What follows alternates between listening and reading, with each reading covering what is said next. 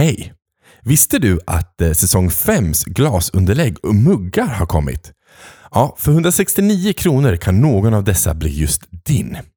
100 kronor går dessutom oavkortat till BRIS. För barnens framtid är trots allt väldigt viktig. Så skicka ett DM till mig eller Kato så löser vi resterande. Nu kör vi igång!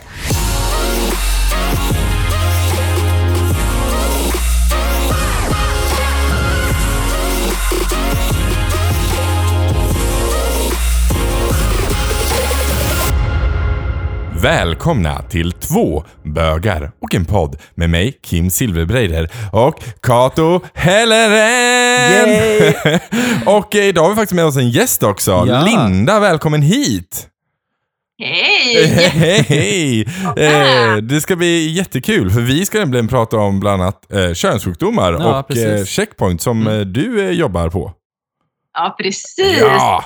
Det ska bli eh, jätte, jätte... Så nu ska vi lära oss massor om oss- könssjukdomar, hur man ska skydda sig och stigman och... Vad man inte ska göra. Ja, nej, Ja. Men det, det, finns, det finns hur mycket som helst i den här Mm. djungeln med att kunna ha sex. Och jag tänker att det är jättebra. Då har vi med en expert här. Jag är så redo. Att, uh, yes, jag är också redo. Jag är så redo. Följ med!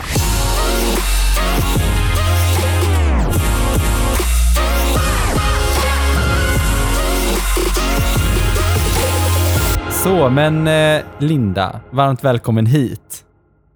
Tack. Kan inte du berätta lite eh, kort om dig själv då? Du jobbar på, eh, på Checkpoint, men berätta lite vad... Ja, men precis. Alltså, egentligen så jobbar ju jag på RFSL i Göteborg. Mm. Jag har jobbat här som projektledare i tio år. Och jag jobbar bara med sexuell hälsa och hivprevention. Mm. Det, är, liksom- det är mitt jobb. Och för Mm. de som lyssnar som kanske inte vet vad RFSL står för, vad, vad står det för? Ja, det är Riksförbundet för, för homo, bi och trans, queer och intersexpersoners Mm. rättigheter. Precis. Yes. Ja, jättebra. Ja, Det är jättebra. en jättelång, jag förstår Och att det är en vi- förkortning på den liksom. Ja, var jobbar du någonstans? Jag jobbar på här. Eh, Ja. så. Men eh, eh, hur länge har du jobbat? Men precis, jag har jobbat här i tio år i år faktiskt. Mm. Nu är det Tioårsjubileum, vad skoj. ja, jättekul. Hell, he- det är helt galet. Men har du liksom tio år, är det hela ditt yrkesliv du har jobbat med det här? Eller har du gjort massa andra tokigheter som har med det här att göra innan liksom? Precis, jag har hunnit göra massa saker. Jag är ju ändå inte så ung längre. Eh, jag är socialarbetare i grunden eh, och har liksom, innan jag hamnade på RFSL så jobbade jag, har jag jobbat med omhändertagna ungdomar. Sen Mm. har jag jobbat sväng med, med människor i missbruk. Och så har jag också varit i Kanada och jobbat med sexarbetare. Mm. Okej. Mm, så det har jag också gjort. Ehm, och sen hamnade jag tillbaka i Sverige och hamnade här på RFSL. Okej. Så nu jobbar jag i communityt helt enkelt. Ja, Det är jätteintressant det här med att, att prata om sexarbetare. Arbetare. Vi får, ringa upp dig, vi får ringa upp dig på länk någon annan gång också och prata vidare om det. Det är jätteintressant. ja, och också i Kanada. Hur länge var du där? Ja, men jag var inte där jättelänge. Jag var där i typ sju, åtta månader Ja. och eh, jobbade på en, eh, en gräsrotsorganisation för sexarbetare. Mm. Så det var en organisation som drevs av sexarbetare och som var för sexarbetare. Och Okej. där hamnade jag. Ja, Eh, jobbade med harm reduction. okej. Nu sitter Kim Mm. och tänker att Jätte, det är ja, alla de här, alla de här eh, eh, woodcutters. Eh, Canadian män alltså. Oh my god. Okej. Nej men det ska vi inte gå in på nu. Det, det är jättespännande. Vi, vi säger det Linda, vi ringa upp dig för, för en, ett annan, ett helt annat ämne då helt enkelt. Ja, en annan dag. Det här var jättespännande. Eh, men nu ska vi inte prata om det. Nu ska vi prata om det du har fokuserat med de Ja, senaste men tio precis. åren. Och det är ju eh, RFSL och Checkpoint och, eh, och eh, Men om, vi, men om vi börjar liksom att prata om liksom så här, alltså STI, det är ofta det man, alltså förkortning som man använder, men, men vad står det för? Ja, men STI står ju för Sexually Transmitted Infection. Mm. Alltså sexuellt överför in, infektion, Mm. eh, skulle man kunna säga på svenska. Mm. Eh, innan så pratade man ju om STD. Det är ju många personer som refererar till det och man kanske har sett det eller läst det kanske tidigare. Just det. Och det är för sexuellt sexually transmitted disease, Mm. alltså typ sjukdom Ja. istället. Mm. Det. Man har liksom börjat frångå det lite grann eh, och prata mer om S10 idag därför att man vill komma ifrån tanken som vi har kopplad till sjukdom. För vi har ju ofta en föreställning om att men om man är sjuk så känner man det.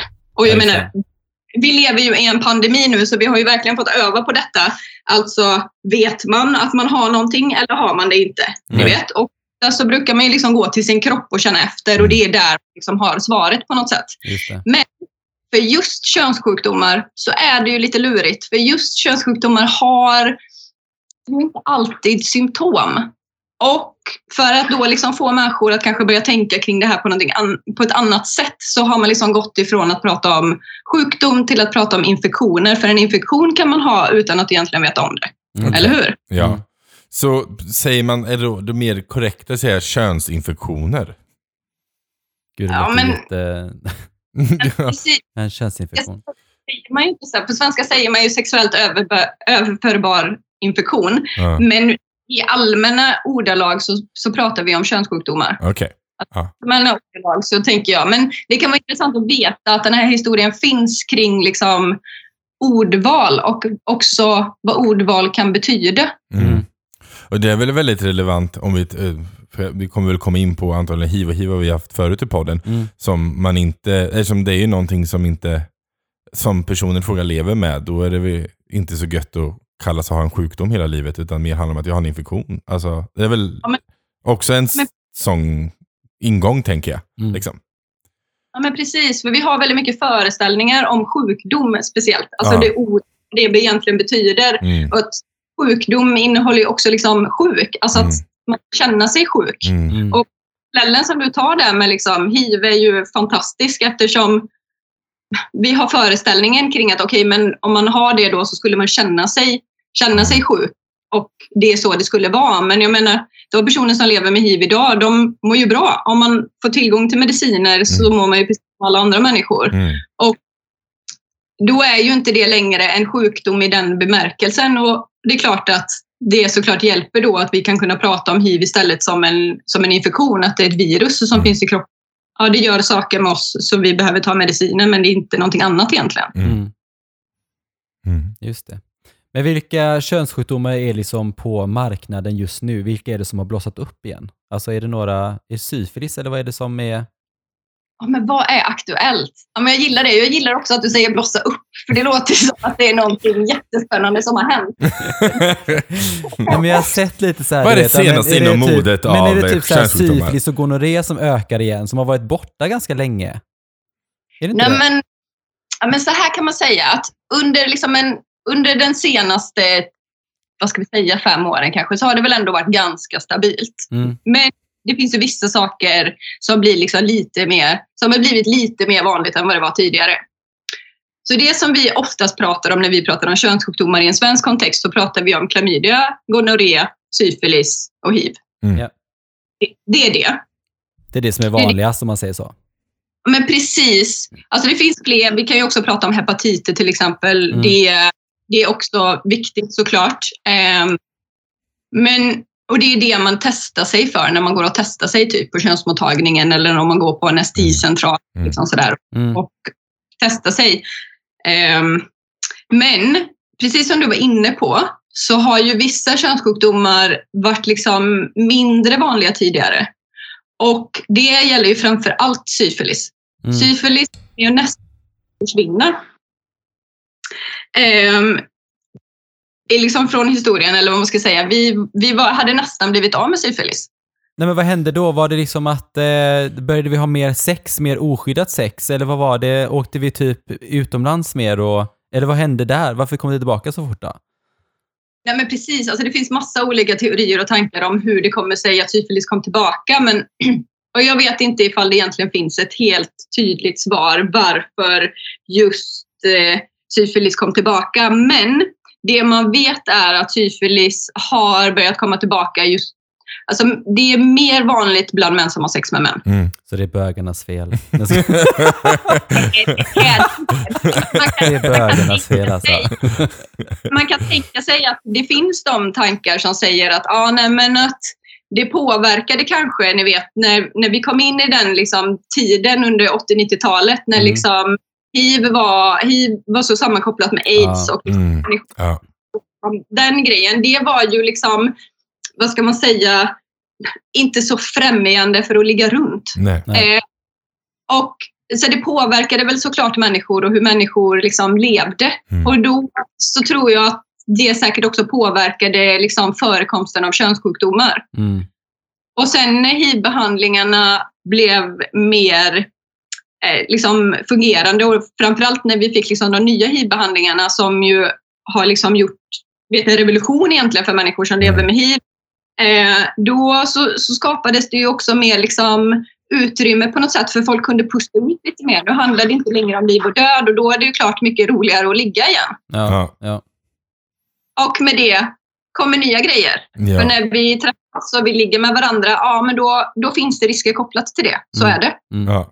Ja, men precis. Ja, nej, men eh, spännande. Det är ju helt klart en, en valid teori, tänker jag. Men om man känner nu till exempel så här att eh, ja, men jag har haft en liten helg. Det har vi, du, både du och jag haft Kim, där man kanske har legat med några stycken.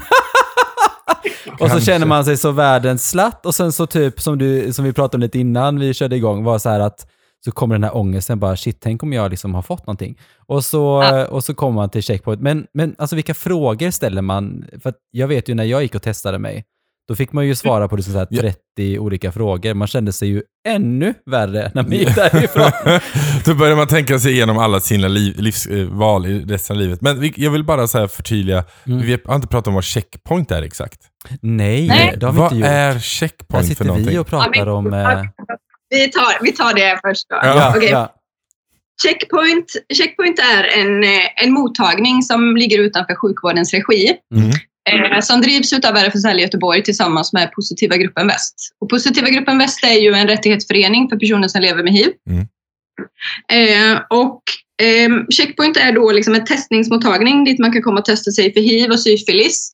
Eh, och det är en mottagning som riktar sig till män som har sex med män och transpersoner. Mm. Vi har ju haft öppet väldigt länge, eh, sedan 2014. Mm. Så det Ja, precis. Så vi har hållit igång länge. Ehm, vi erbjuder nu för tiden också ett hemtestningskit som man kan få med sig. Um, så man kan testa andra könssjukdomar hemma om man känner för det. Jaha. Okej. Ja, då får man liksom ett litet kit där det finns liksom lite olika sorters topsar och Mm. liksom Och det är sådana topp som man ska stoppa in i urinröret så här jättelångt Nej. upp. Nej, är det inte Det det? är absolut inte. På direkten. Men det är tops till halsen Ja. och det är tops till analen. Mm. Jaha. Precis. Och för att då liksom... Och inte samma tops då då? För att, eh, Nej, men gud vad konstigt. Först analen och sen halsen. Like all the gay people. Mm. Nej, men det hade varit hemskt. Det hade varit hemskt. Eh, Ingenting som covid där vi kör samma topp. Nej, Nej, nej, nej. Okej, utan det som är viktigt ni vet när man ska testa sig för könssjukdomar, det är ju att man måste testa sig på de ställen där man har haft sex. Ja. Och då tänker man, vad fan menar hon? Jo, men Mm. könssjukdomar, de, är, de hamnar där de hamnar. Mhm. Jaha, det visste jag inte. Nej, men precis. Liksom, till exempel klamydia. Har man klamydia på, på kuken, eh, så, eller om den personen man träffar kanske har det på kuken och Mm. man har oral med den personen, Mm. Mm. då kommer man behöva göra ett prov i halsen för att veta ifall man har klamydia i halsen. För att om du gör ett då, då kommer du inte veta det. För att ditt kisseprov kommer troligen säga du har inte klamydia och då tänker man va? Jag har ingenting. Men det är inte säkert. För det beror ju helt enkelt på vad du har gjort med vem du har gjort. Mm. Så överallt I alla hål. Mm. har haft sex. Du sitter Kim och tjej där med. Tjej. Nej men jag vet ju, för det var en kille som ringde mig en gång och sa det att hej, jag har fått klamydia och han var ju, en, ja, han låg runt lite då. Och då vet jag att jag gick och testade mig, men då gjorde jag ju kisseprov. Och vi hade ju, jag hade inte liksom, ja, i- och för sig, alltså, ja, jag hade ju sugit av honom. Då kanske du har det än idag Kato. Och det här är typ 40 år sedan. Så att, mhm.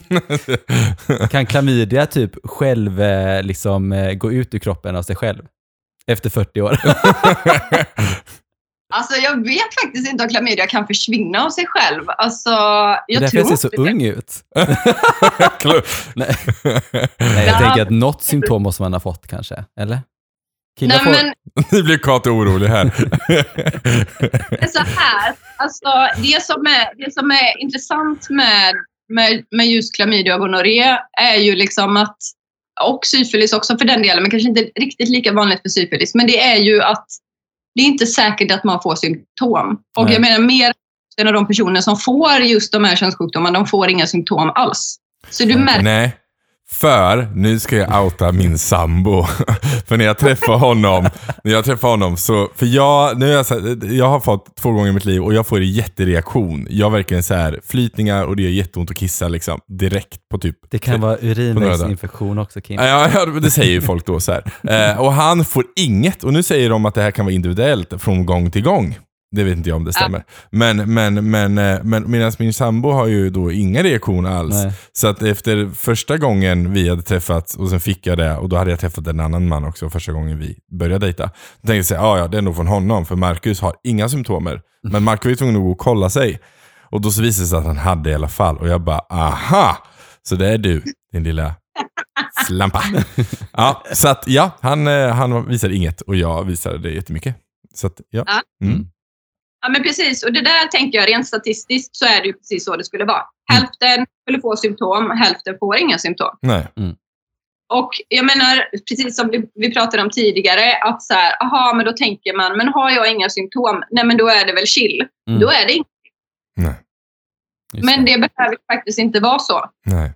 Jag tänker bara på hur många jag har smittat i så fall. Herregud. Ja, ja. Nej men det blir nog bra. Det var, det inte- var, det var inte så många, fyra stycken. typ. back, back in the days då. Det här, är, Fyra ju- stycken. det här var ju länge sedan. Det var ju länge sedan. Mm. Men, Yes. eh, men, men, hur, eh, men hur kan man veta om man har fått en könssjukdom om man inte liksom får, får några symptom? Hur ska man då liksom så här, tycker du man ska liksom gå, om man har haft oskyddat sex, och oavsett om man har haft oralsex eller analsex, ska man alltid gå och testa sig efteråt då tycker du? Nej, men jag tänker så här, man ska väl inte gå och testa sig varenda gång man har haft sex. Nej. Det är ju också orimligt. Mm. Men jag tänker att så här, om man träffar flera personer och liksom man har sex med dem. Om man inte använder kondom till alla olika sexuella praktiker, vilket man högst troligen inte gör, Mm. eh, då kan det ju vara en bra idé att gå och testa sig. Mm. Och då vill jag liksom lägga till att det är också viktigt att tänka på att PREP, som ju nu ändå har blivit Mm. ganska vanligt, det skyddar ju faktiskt inte mot klamydia, inte gonorré, inte syfilis och inte mot hepatit heller. Nej. Så det betyder ju också att alla de könssjukdomarna, de finns fortfarande kvar där ute. Just det. Och- Mm. Eh, men medan liksom PREP skyddar mot hiv. Och det är ju en grej, men Mm. inte, inte allting annat som liksom också är en del av liksom den sexuella hälsan. Nej. Och för att förtydliga, vad är, vad är PREP då? Men PREP är ju en förebyggande behandling som man kan ta mot hiv. Mm. Det betyder att om jag är hiv-negativ och jag vet att jag inte lever med hiv så kan jag ta den här medicinen innan jag helt enkelt har sex. Mm. Som ett liksom, skydd eh, för att kunna ha, kunna ha oskyddat sex helt enkelt med de personer som jag träffar. Eh, och då minska risken för att få hiv. Mm. PREP är liksom väldigt bra ifall man tar det som man ska. Ja. Och det det är liksom kopplingen till PREP. Så för PREP, ju mindre liksom man följer den, den typen av modell som man kan ta PREP, man kan göra det på olika sätt. Men ju mindre man följer det sätt som man ska göra det på, desto mindre skyddar det. Okej. Mm. Okej.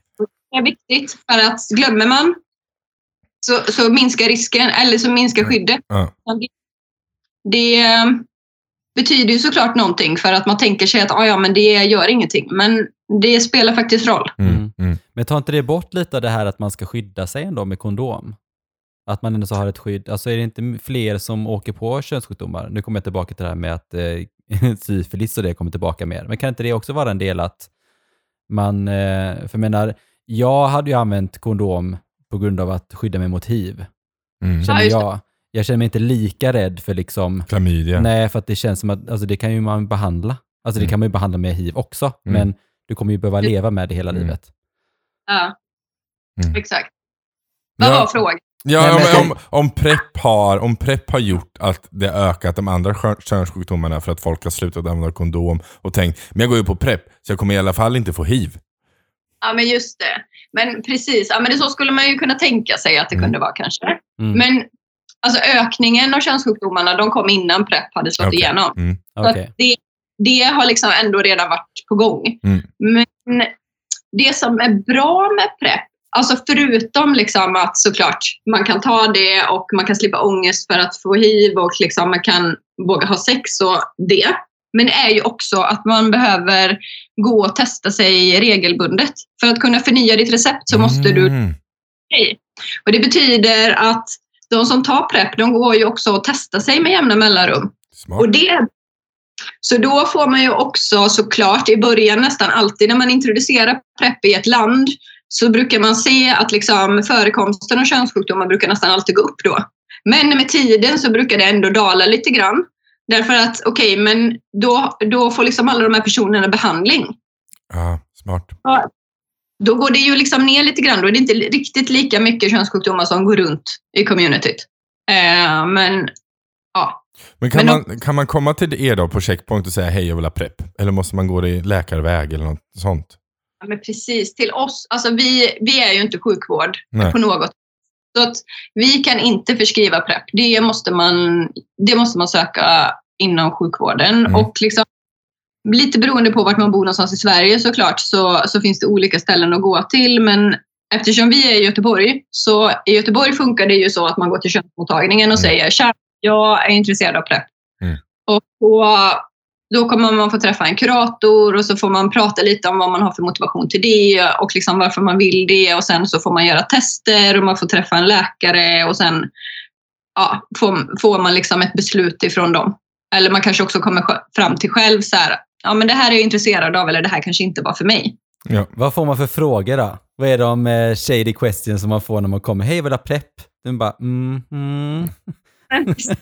Ja, Men jag tror att det är lite mer, jag jobbar ju inte med den grejen, eh, så jag kan liksom inte exakt svara på vilka frågor de, eh, alltså kuratorerna liksom på könsmottagningen, de Nej, just det. Ger sitt underlag till mig. Jag kan inte svara om det. Men alltså jag tänker att det handlar nog mer om så här, både typ hur man lever nu, mm. alltså man Sexuella levt vanor liksom. Ja, men precis. Och hur man har sex och hur många man träffar och liksom också ens känslor kopplat till det. Men också liksom, ja, men hur man har det i relation till att ha sex och liksom använda kondom eller inte använda kondom och kanske vilka risker man tar och inte Mm. och så. Ehm, så det är inte liksom en... Det, min upplevelse i alla fall utav alla som jag träffar och som liksom, de som jobbar i mina projekt träffar är ju inte att de det är inte, det är inte jobbigt att gå dit. Nej. Utan de är ändå liksom schyssta och fattar grejen. Jag menar, de träffar ju ändå bögar och män som har sex med andra män. Så att jag menar, det är klart att de har lite koll Mm. på hur det Mm. är. Ehm, men det är klart, det blir också ett tillfälle att kunna själv få reflektera lite och prata med någon. Och så, men vad är det egentligen för mig och vad tycker jag är viktigt? Och så här, hur skulle, vad skulle det spela någon roll för mig att jag skulle behöva ta en tablett varje dag eller hålla reda på att göra det här på ett speciellt sätt? Ehm, för det är också en medicin man tar. Just det. Mm. Det, det påverkar ju en och ibland kan det kännas jättelätt. Ni vet i teorin att man tänker så här, men det är lugnt, jag, jag tycker inte alls det är jobbigt. Men sen när man väl ska göra det så kanske det bara, ja okej, men ibland är det jobbigare än vad man tror, ibland är det mycket lättare än vad man tror. Mm. Och det, det är så. Man vet ju aldrig förrän man provar kanske, eller liksom man får tillfälle att reflektera över det. Nej, just det. Men det är väl bra. Men, men är, det, eh, alltså är det vanligare, vi pratade lite om det förut, men alltså är det vanligare att, att eh, homosexuella män då eh, får könssjukdomar om man jämför liksom med heteros? Finns det lite statistik på det? Men det finns statistik. Men jag vet inte om jag skulle Är säga... vi smutsiga? Nu ska jag... Jag skulle säga ja, men inte av den anledningen. Nej, jag skojar nu. Jag skojar det. Men okej. Jag skulle vända på statistiken så här och så skulle jag säga så här. Ehm, könssjukdomar är ju liksom, bland unga vuxna rent generellt, liksom bland alla så är könssjukdomar ganska vanligt. Och då är klamydia bland det vanligaste som liksom sprids mellan människor. Eh, inom liksom gruppen män som har sex med män så är förekomsten av könssjukdomar mer vanligt därför att det är en mindre grupp av Mm. personer Mm. Mm. när. Ehm, Mm. Så att, ja, det är klart. Det, men det finns mer, så det kanske finns liksom mer könssjukdomar på det sättet. Det är fler personer som, som testar positivt. Men å andra sidan är det också så att män som har sex med män är också mycket, att på generell nivå bättre på att gå och testa sig Mm. Det var det bara- på. när man är ung, utan också testa sig när man blir lite äldre för att man fortfarande har sex. Mm. Ja, nej men precis. För det satt jag tänkte också på också att mm, bögar generellt sett blir inpräntade redan, alltså var man än går. Går du på vilken bögklubb som helst så är det ju där. Kondomer finns överallt. Eh, Gå och testa dig, gör det här. Alltså det, man blir ju inpräntad på ett annat Ja, sätt. ja. Jag menar, och det spelar ingen roll var i världen man är. Jag menar, jag har varit i i Irland och i, i Nordirland och jag har varit på... Gotland Ja, det är en helt annan stad. Nej men jag har varit på gayklubbar i sådana städer också och där är det likadant. Det är exakt samma information Ja, liksom. ja. Så jag känner att man blir inpräntad på ett annat sätt än heterovärlden. Alltså jag, jag menar, jag har gått på, alltså när man går på en vanlig klubb, det är ju inte som när man går på på liksom O'Learys, att det, står en liksom, skål med kondomer där och som säger hej, eh, kom och eh, testa dig också. Mm. Alltså det, det, det är ju inte så. Nej. Nej, men precis. Mm. Så jag Jag, tänker, jag tycker lite att det är ändå bra att sätta in det i sitt perspektiv på något vis. Alltså just det du pratar om. Att så här, den grejen att man testar sig mer gör ju också såklart att ja, då kommer man ju upptäcka fler. Men det kan också handla om att liksom vissa typer av sexuella praktiker gör att könssjukdomar överförs lättare. Mm. Kan också handla om att det finns en annan typ av kultur om hur man ligger. Att man kanske liksom inte bara lever i monogama relationer mm. liksom från det att man är typ 20 tills man dör. Utan man kan ha, det kanske rör på sig lite mera. Mm. Ehm, och det ger andra kontaktytor liksom, mellan människor på olika sätt. Mm. Och vi vet ju att liksom, det är många som reser, reser från Sverige till liksom, olika europeiska städer för att liksom, festa och gå på klubbar där. Mm. Och det, då, då blir det också andra kontaktytor. Man träffar andra människor som man inte brukar träffa och det är också så könssjukdomar såklart, precis som liksom allting annat. Det är så allt rör sig. Liksom. Just det. Så är det ju. Ja. Jag har aldrig gjort det. Nej, Nej. men, eh, eh, nej, men om, eh, om, eh, om man tror sig få ha fått en könssjukdom, vad, vad skulle du rekommendera att man gör? Ska man liksom ringa eller ska man liksom, vad, vad ska man göra? Nej, men jag tänker så här. Då ska man ju såklart försöka gå och testa sig. Om man tänker att man har fått någonting, då ska man gå och testa sig. Och om man tänker, men jag har ju inte fått någonting, Nej. men jag har fått sex med flera personer. Mm. Ska du ändå gå och testa dig? För någon gång ibland så måste man gå och testa sig för att faktiskt veta, för att vara helt säker. Mm. För det finns inget annat sätt att vara säker på att man inte har någonting. Nej, precis. Nej. Finns det någonting som man inte ska göra då, när man tror sig ha fått en STI? Eh, Ligga. Ja, men det är kanske en grej. Alltså skydda dig då när du ligger för att liksom, ta hand om dina sexpartners. Mm. Alltså för deras skull också, för det är väl inte så himla kul att veta att ah, men det var jag som gav det till dig. Alltså, jag misstänkte det men sa ingenting. Det är väl, Mm. tänker jag, schysst. Hashtag Marcus. Man visste faktiskt inte. Men okej, absolut. Ja. Men, men ja, nej, nu tappar jag tråden i huvudet. Men man ska, man ska meddela sina, eller man ska skydda sig när man tror man har sig. För Mm. att man Mm. inte, för sexpartnerns skull. Ja, men precis. Det var någonting annat jag tänkte på. Grundfrågan var, grundfrågan var eh, vad man inte ska göra. Om man tror sig ha fått Om man en könssjukdom. Ja, men exakt. Vet du vad jag tänkte på att man absolut inte skulle göra? Man ska inte börja googla. Okej. Den Alltså, det jag här, hört. jag tycker det är det sämsta, liksom den sämsta doktorn som finns är doktor Google. Okej. Man Har kan du, inte... har du googlat Kim? Jag googlar, jag älskar att googla. Men jag är i och för sig inte jättehypokondrisk av mig, så jag tar lite allt med en klackspark. Men skulle Marcus sätta sig och googla skulle han ha alla sjukdomar. Ja. Ja.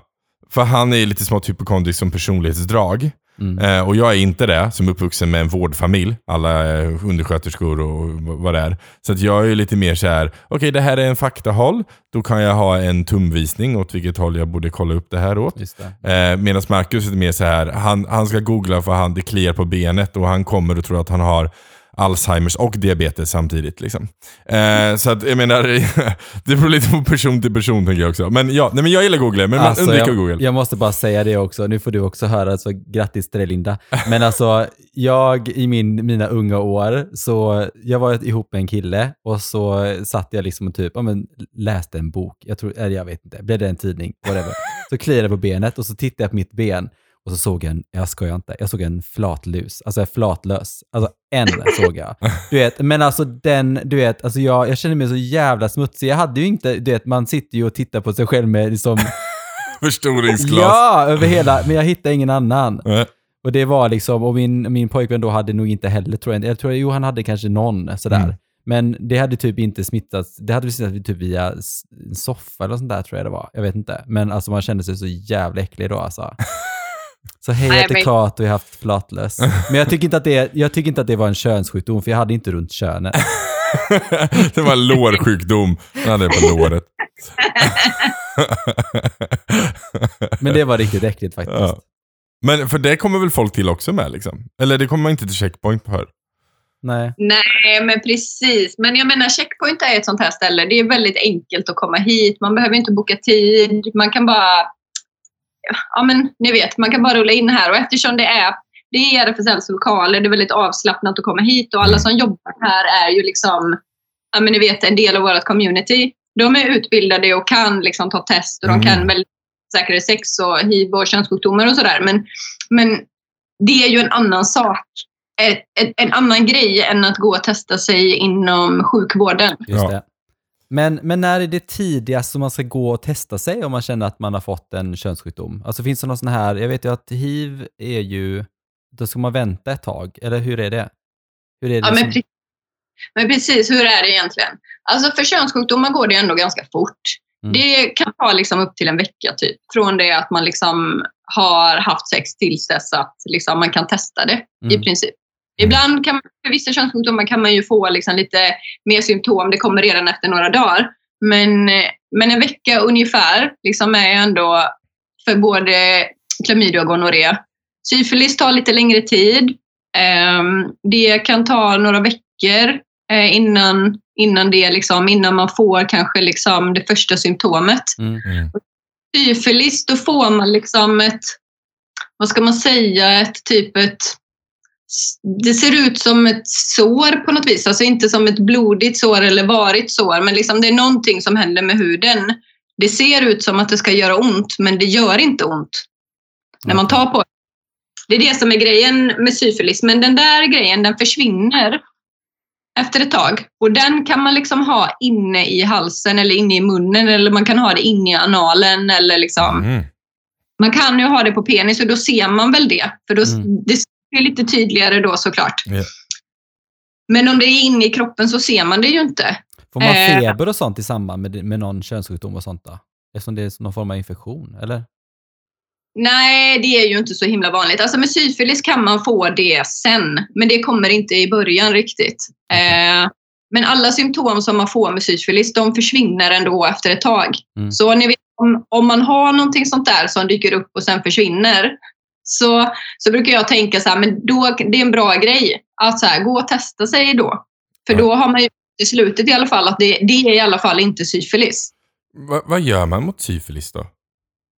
Ja, men både syfilis, klamydia och gonorré, då får man ju en behandling. Ja. Eh, och det är lite olika behandlingar, men alla är ju liksom antibiotikabehandlingar som man får. Mm. Eh, och liksom, vissa, vissa får man tabletter som man tar i ett visst antal dagar och för vissa så kan man få en spruta i skinkan. Ja, för nu, vill, nu uppmuntrar man ju aldrig att folk ska eh, behöva ta antibiotikakurer i onödan, för det är ju inget bra det heller. Men, men Nej. menar, för, det, för det vet jag ju typ, den gången jag hade klamydia då, eh, och jag var tvungen att- jag fick, som jag fick av Marcus. eh, och jag meddelade den andra sexpartnern så var han så här, ah, ja, det är bara klamydia, men det löser vi ju. Känn ingen ångest runt det. Och det är ju skönt att man får det svaret än att det är någon som går bananas och blir arg. Ja, Eh, men samtidigt är jag så här, det är också lite farligt att inte se det som ett problem. Ja. För då tänker du, ja ja men ja, ja, får jag det så får jag det. Det går ju ändå att ta bort det snabbt. Mm. Men det är ju med antibiotika hela tiden Mm. och du kan ju bli antibiotikaresistent. Mm. Och det är ju inte bra i sin tur. Nej, det är ju ett annat avsnitt. det är ett helt annat Nej, avsnitt. men precis, det är faktiskt intressant för att just gonorré är en sån bakterie där liksom det finns, det finns liksom en, en, en, liksom en stam av, av eh, gonorré som är ganska svårbehandlad. Mm. Därför att den är mer resistent mot antibiotika. Okej. Den finns redan. Ja. Eh, Den finns i Europa, den är inte vanlig i Sverige. Eh, och alla fall av gonorré som vi har haft i Sverige fram tills nu har man kunnat behandla. Så liksom, det finns ingen som inte har kunnat behandla sin gonorré. Mm. Men alltså det är så att vi vet att en dag så kanske det inte finns någonting som vi kan behandla gonorré med. Mm. Och då kommer vi ha det. Vad Mm. jobbigt. Ja, det blir en tråkig grej. Mm. Det blir en tråkig grej. Men ja. Eh, finns det några sådana här hemmakurer som man kan göra typ så här för att så här, lindra symptomen innan man kommer till er? Är det några som är så här bara, jag drack apelsinjuice och då är det jättebra, eller gurglade med Listerin. Tranbärsjuice. Ja. Men det kanske finns saker man kan göra för att lindra sin ångest. Drick apelsinjuice. Det är bra. Med vodka i. Apelsinjuice, men ni vet, typ ring en kompis. Man har en bra kompis som kan hjälpa en med ångesten. Alltså, det kanske liksom, det tänker jag att alla kan, kan fundera över. Men vad skulle jag göra då om jag faktiskt behöver någon för att jag tycker att det är jobbigt Mm. innan jag faktiskt kan få, få liksom min tid och, och Mm. liksom få testa och få behandling. Men alltså, hemmakurer, det finns liksom ingenting som funkar mot det. Alltså det är en bakterie som behöver antibiotika, det säger sig självt. Det går inte att bota med någonting annat. Så det, Nej. det går inte att göra någonting med någonting annat. Utan man får bara vänta snällt tills man har sin tid och så får man behandling. Mm. Ja. Det finns inte antibiotika i, i apelsinjuice, helt enkelt. En. Än. Men, eh, men En. hur jobbar ni med stigmat runt hiv eh, på Checkpoint? Liksom, eh, om man känner att man har ångest och man kommer till er, alltså hur får man liksom personen att lugna ner sig och liksom... Ja, Mm. men precis. Det är ju väldigt intressant, tänker jag. Så här, för att, alltså hos oss, om jag, berättar, om jag berättar lite mer om hur det går till hos oss, men när man kommer till oss så får man ju fylla i en blankett. Jag kommer ihåg att ni frågade om det innan, så här, men vad händer då när man går och testar sig? Om man ska, Mm, mm, Den här blanketten är så jävla jobbigt för det är så mycket frågor och så. Um, Men frågorna som ställs är ju ofta till för att man ska liksom göra en bedömning. Okej, men vad är det för någonting den här personen kan tänkas behöva i Mm. relation till ja, men vad man har gjort tidigare? Och när man har fyllt i blanketten så kommer man sen bli uppropad och kom, få träffa någon som jobbar här. Och ehm, vi har ju ganska mycket tid eh, att liksom ha ett samtal. Att kunna prata om så här, varför du är här och vad att du har behov av just nu och så. Och vi försöker ju undersöka såklart liksom hur den här personen mår, och vilk, liksom vilka kunskapsluckor den här personen har, vilken kunskap den har. Mm. Så att också kan prata lite om det. För att många saker som handlar om oro kring hiv och könssjukdomar är ofta kopplat till att man har läst någonting som kanske inte riktigt stämmer. Mm. Ehm, och då blir det ju väldigt lätt att ha mycket fantasier om det och man skrämmer upp sig själv och det blir väldigt, väldigt jobbigt. Ehm, för man också förstorar egentligen risken kanske med liksom vad man själv har varit med om eller liksom ni vet att man kan inte balansera de grejerna riktigt. Så att samtalet finns ju till för att liksom kunna hjälpa personen i att kunna sortera Mm. kring, kring liksom den kunskap som finns idag. Ehm, och sen så jobbar vi ju väldigt mycket med att Alltså i vår personalgrupp så har vi en, en väldigt blandad grupp där vi har flera personer som lever med hiv. Ehm, och ehm, det skapar ju någonting helt annat eh, i liksom själva mötet kan man säga. För att du kanske träffar någon som lever med hiv själv. Ja. De som är oftast ganska öppna med det och tar själva som exempel. Och det blir väldigt svårt att sitta där och liksom tycker att hiv är det värsta som finns när du träffar en annan person som sitter framför dig som är som vem som helst av oss i vårt community som Mm. också lever med hiv. Ja, men då helt plötsligt så blir det ju en person som är av kött och blod. Och det är mycket svårare att liksom göra den personen till det där superläskiga. Mm. Det har ju oftast en ganska lugnande effekt på människor. Ehm, och sen såklart att få prata med någon som kan liksom hjälpa en att sortera i det där. Mm. Och så får man ju såklart ett resultat. Och även om det skulle vara så då att man testar positivt så kommer man ju ändå liksom få stöd och hjälp av oss och komma i kontakt med vården och liksom få veta hur det går till och vad som händer sen. Det är inte som att man bara lämnas Nej. ens ute i universum att ta hand om Nej. det här sen. Vi var inne på det förut, just det här med eh, att man pratar om sin status, liksom, eh, om man är positiv eller negativ och sådär. Men oftast då man är positiv. Just, det är väldigt vanligt i gayappar eh, att folk skriver ut när de senast var testade. Vad, vad, vad tycker ni om det? Tycker ni att det är liksom bra eller är det liksom, spelar någon roll? Så här, om jag testades, eh, ja, men om jag nu skulle skriva min, om jag nu hade en app, det har jag inte, men just det här, ja, men jag testade mig själv i december. Spelar ingen roll om jag har haft sex med 30 pers sedan dess? Alltså, Nej, men precis. Det blir ju intressant. Jag tycker det är intressant det du tar upp. För att jag tänker att man gjorde kanske det av en god anledning, att man la till det här med testning mm, eh, i, liksom, i apparna så att, så att man liksom skulle kunna synliggöra det på något sätt och också liksom göra folk medvetna om att så här, men det är viktigt att testa sig och det är viktigt att veta sin status. mm, Det är det. Det är viktigt. Det är viktigt för min sexuella hälsa men det är också viktigt för, för mina sexuella partners. Så det är ju enda sättet som man kan ta hand om sig och, och de andra som man, som man ligger med. Mm. Men, men det blir ju lite lurigt med liksom att skriva ut när man tog senaste testet. För det hänger ju på så himla många olika saker. Mm. Det ju lite på, det beror ju på vilken typ av sexuell praktik man har, hur många man träffar, vilka risker man tar med de personer som man träffar. Eh, men det hänger ju också på vad är det som är intressant att testa då? Är det en person som går på PREP? Tar den personen sitt PREP så som den ska och mm, funkar? Eh, då kanske det handlar om könssjukdomar, men handlar det om hiv, en person som, som liksom refererar till sin hiv-status. Okej, men för att testa hiv så tar det ändå flera veckor innan man vet ifall man har hiv.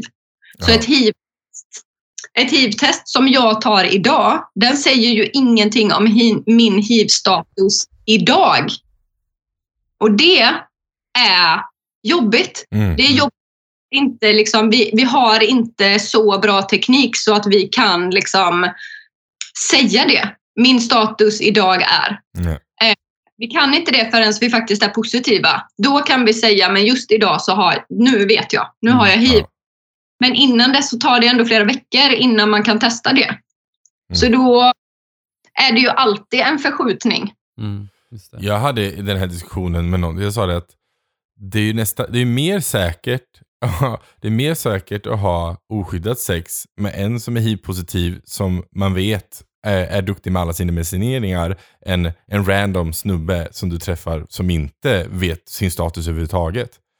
För att Ja, för en som är positiv och äter sin medicinering och sköter det den ska, Mm. den, den har ju, påvisar ju knappt Nej. eh, liksom HIV, sin hiv-status liksom, i sin kropp.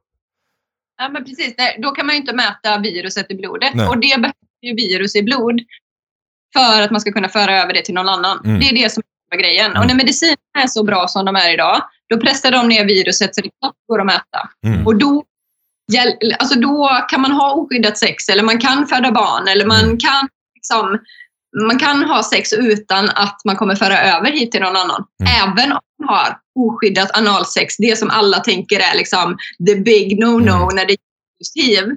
Mm. Men, men det är liksom, det är ingen grej för att om det inte finns där, nej men då går det inte att föra över. Ja, nej men precis. Mm. Och det är ju väldigt intressant. Alltså jätteintressant. Jag har lärt mig så mycket. Alltså, men är det, vad skulle du vilja säga till våra lyssnare då? Använd skydd. Vad skulle jag vilja säga? Men jag tänker, jag tänker att här, om man har sex, Mm. om man, om man liksom... Om man, jag tänker, har man sex så, har, så tar man risker. Mm. Eh, Så enkelt är det, för det finns liksom inget sätt att, att ha sex med andra personer och inte ta några risker alls. Mm. Vi lever liksom i en värld där det händer. Så då behöver man gå och testa sig någon gång ibland. Mm. Om man inte träffar så många personer, nej, men då kanske det är schysst att gå och testa sig en gång per år eller någonting sånt där. Eh, träffar man flera personer, ja men då kanske en gång per halvår. Träffar man många, många personer, ja men då kanske du behöver gå och testa dig lite oftare för att ha lite mer koll Ja. på liksom, vad som händer. Hur, eh, hur får man kontakt med er då? Vad, vad finns ni och... Ja, men precis. Checkpoint Göteborg. Kan man, man kan gå in på vår hemsida som är checkpointgöteborg.org. Eh, man kan också komma till RFSLs lokaler som ligger på Stora Badhusgatan 6 i Göteborg på tisdagar mellan 18 och 20. Mm. Då är det bara att komma hit, ringa på, man blir insläppt, man får en nummerlapp. Man kommer, man kommer få träffa någon och prata, ta test och sen kan man gå hem. Mm.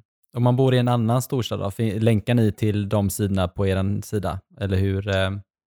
Nej, det gör vi faktiskt inte. Så jag har liksom ingen sån grej. Men jag skulle tipsa om att gå in på sexperterna.org Mm. och kolla. De är ganska bra på att eh, lista lite fler testställen eh, runt om i Sverige. De har vi haft eh, som gäster också. Det har vi. Mm. Mm. De är väldigt bra. Det är bra. Gillar Ja, de är- sexperterna. Ja, Det har varit väldigt kul. Eh, nej men då, då, då känner jag så här att jag, jag vill tacka. Ja, den här gången. verkligen. Jag känner att det kommer bli ett samtal i alla fall snart igen, för jag vill ju prata om det här Kanadaresan. Ja men verkligen. Det tyckte jag var intressant. Nej men också så här, också prata om den, alltså sexarbetare och hela den biten. För det är Mm. ju ett jätte intressant ämne liksom. Och också någonting som jag vet att divides många Mm. i diskussionen. Mm. Liksom. exakt. Det tycker, jag, det tycker jag vi kan göra för att jag har ganska mycket kunskaper om sexarbetare och sexarbetares rättigheter. Mm. Och liksom, det kan bli spännande att, att prata om det utifrån ett kanske inte så super ehm, traditionellt svenskt perspektiv. nej, nej, precis. precis. Det är också väldigt Mm. intressant. Eh, så Mm. ja, det tycker jag vi gör någon dag. Eh, det lovar vi våra kära lyssnare också, att det gör vi någon dag. Ja. Eh, så så vi vet er hemsida. Har ni, en, har ni någon Instagram? Nej, det Nej. har vi inte. Vi har en Facebook där vi försöker uppdatera lite, men vi är inte så jätteflitiga med det. Alltså vi, vi jobbar liksom hårt på att bara göra vårt jobb väldigt bra. ja, ja, men det är bra. Och grejen är den att så här, man kan hitta också, alltså tar vi experterna, de Instagram är rätt Ja. bra. Den, Mm. den kan man också gå in på om man vill eh, få någon slags in, inkörsport till det här. För de är väldigt duktiga på att informera faktiskt. Mm. Eh, men bland annat så har vi ju faktiskt Checkpoints eh, hemsida som var checkpointgothenburg.org. Sa du va? Ja, Göteborg, som inte Gothenburg. Nej, men Gothenburg. Gothenburg. Gothenburg. Yes. Eh, så eh, ja, och jag, jag vill bara tacka dig som lyssnade för att du var med på det här eh, Mm, resan. verkligen. Det var väldigt intressant och Kato har fått känt sig både sn- eh, snuskig, eh, skitig och äcklig på en och samma gång. Och det är ju fantastiskt, för det vill vi alltid att han ska känna sig. Så eh, tack för oss, all kärlek till er. Ha det fint. Hej då. Hej då. Hej då!